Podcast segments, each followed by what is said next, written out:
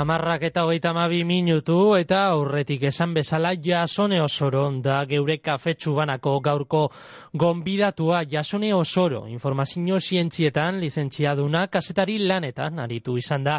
Hainbat urtez telebistan be aritu izan da aurkezle zein gidoilari lez eta urteak daroa segunkari eta aldizkarietan zutabeak idazten. Bere lehen literatura lana mila bedartxireun lauro geita mazortzian kaleratu eban eta azkena urtengo urrian arrakasta izenekoa eta telefonoaren bestaldean dago jasone, jasone egunon.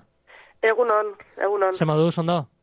Ondo, bai, ondo, ondo. Zapatu izan da, posik, azte buru guztia horretik, ondo, ondo. Noski baietz. Kasetaria zara, aitatu dugunez, hainbat edabideetan egondakoa, baina hainbat liburu be, idatzi dosuz. Zelan hasi zinan idazleen munduan eta zer da erakarri eutxuna mundu horretatik? Bueno, ni berez hasi nintzen oso txikitan idazten.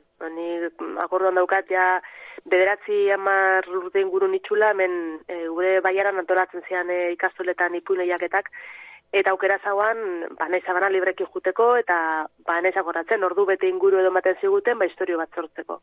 Eta nila garraiatan parte hartzen ama lehiaketa eta lehiaketa hietan, ba, idazteko banaukalako, ja, ba, zaletasun hori. Ez da, irakurtzia asko kusatzen zitzaidan, eta bonik ustot modu natural baten hasi nitzala idazten. Eta bueno, argi ukina bat txiki txikitatik, e, unen baten ere ametsa zala e, liburu bat publikatzia. Idazle izatiana esan ere ametsa ez naukalako erreferenterik eta ez naban ikusten lanbide bezala, ero, edo ez bentsat eskura garrisa zan lanbide bat bezala.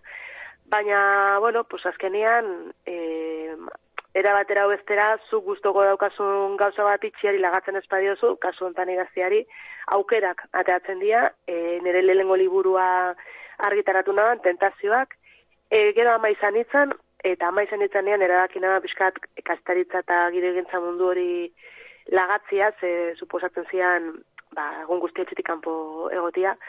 Eta zana, bueno, ia topatzen duten modua, ematasuna eta nire zaletasuna ustartzeko. Eta alaxe, apostu hori naban, idaztetik bizitziana, eta mazai urte da, darua tortan, osak, posik. Mhm, beraz, kasetaritza ikastean, idazlea ez dakit, baina baintzat liburu bat argitaratzearen ideia zeunkan buruaz, buruan, ez da? Hortxe, bai, non bai, eta behar bada, horregaitik joan zinan kasetaritzaren bidetik?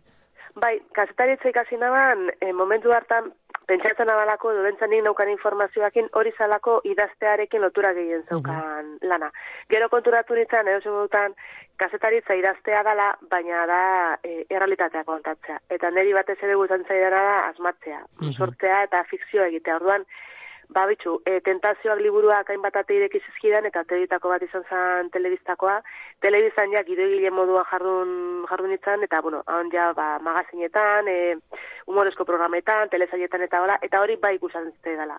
Horan, gaur egun berriz jaio izan manitz, e, uste not, kasteritzek hasi garrian, ba, zuzenean ikasiko nabala gidoigintzakin mm -hmm. lotutako beze zerbait. Bai. Mm -hmm beste bizitza baten, orduan. Horrengo bizitzan, badakizu, zer bai. ikasi. Eleberriak, narrazioak, saiakerak, aurre eta gazte literatura, zein da idazteko zure literatur generorik gustokoena? Ba, nik uste importantia dela, edo zein dela ere generoa gustora idaztea. Zara, edo, idazleak espalin badu gozatzen, ez badu disfrutatzen idazten dairan historio horrekin, ba, ba zaila izango da gero irakurriak ere gozatzea, ez da. Orduan, segun zer nahi duzun kontatu, ba, ba bueno, gai hori, bada, gai horrek eskatzen dizu, bueno, a ber, gazteentza danean, ba, ba propio gazteentzat e, sortzen dute gai ere ideia, ez da? Ezan enaban, igual, helduentzat oin azkena, zaiakera izan dala, zaiakera bat idatzi dut, kontatu nahi nabana, zaiakera bat zalako, rakaztan inguruko hausnarketak eta eta iritzia jasota eta hola. Baina bestera, ez daukat baten edo beste baten aldeko, ustot, ederra dela ba, aukera aukitzia ba, ba, genero eta publiko diferentea, diferentearen idazteko, ez da? Eta edo zein dalarik ere, ei, barkatuzken hau, mm katarruakin. Lasai. Eta edo zein dalarik ere proiektua, ba, bidean alik eta gehien disfrutatzean, ez da jakin, ba, beti, ba, gora beratxua dela, eta eta momentu zaiak ere badaudela, ezta? Baina uh -huh. nik ustot bidaia ederra izan behar dela idazten da izan nian, ere. Uh Suposatzen dut idazteko baita oso garrantzitsua dela irakurtzea asko irakurtea, zer nahiago dozu, idaztea ala irakurtzea? Bueno, Os, Nahi- bai, galdera bai. nahiko gatsa saia, baina... Bai, e, nahiago dut irakurtzea, Mhm. idaztea baino.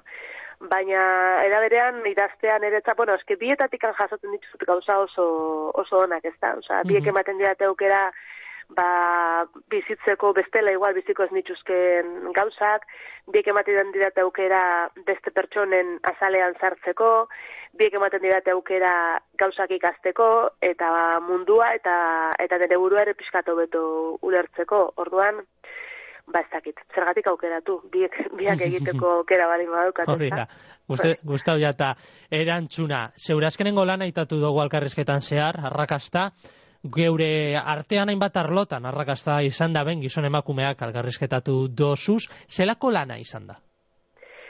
Ba oso lan ederra izan da. E, izan da, alde batetikan, e, beraiekin denbora partekatzea oso ederra izan da. Bakoitzakin egon nintzen, bueno, banan banan elkartu nintzen haiekin.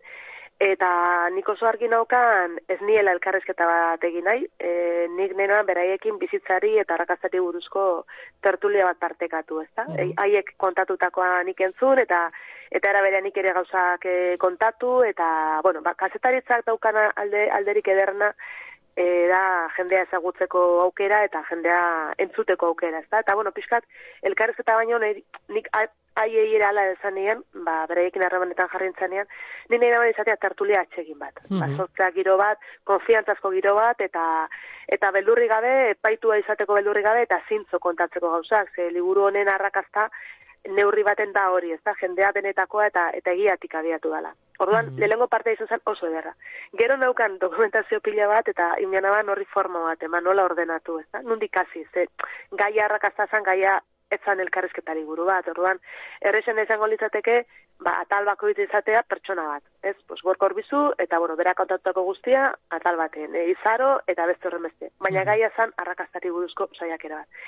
Orduan, bueno, azkenean topatu naban formula ez, pues, e, atal bakoitza gai bat, eta hor joatea txertatzen, ba, beraiek kontatutakoa, gehi nire esperientzia, gehi, bueno, irakurri ditudan gauzak, eta ausnarketak, eta, eta, bueno, nik usten dut, ba, emaitza politxe izan dela, nire Mhm. gustora geratu nahi dela. Hainbat personal karrizketatu dozu, zointxe bertan aitatu dozu Izaro, Itxiari Ituñoeneko atxa, Jose Maria Girretxe Porrotx, zergaitik hautatu dozuz konkretuki persona honek eus, eurekaz berba egiteko? Bai, ba, zerrenda bat inaban, Aha. zerrenda luze bat, pentsatzen nabalako kostaingo zitzei dela jendea eh, animatzea, ze, bueno, Euskalduno badaukagu olako, ez dakit, arrakasta onartzea eta arrakastaren inguruan berba egitean ikustu pixkat eh, pudore moduko bat ematen digula, ez? Ez dakit, erosoago sentitzen gera, e, apaltasun batetikan hor, bueno, ikusi gaitzatela, baina ez gehiegi bestela, ezta? Onartze igual arrakasta nahi dozula, edo arraka- arrakasta ezagutu dozula, bai ematen du nik uste otolako, bezai, mobitzen du zerbait. Eta horregatik ari naban zerrenda duzu bat, pentsatzen, kostatuko zitea dela pila bat.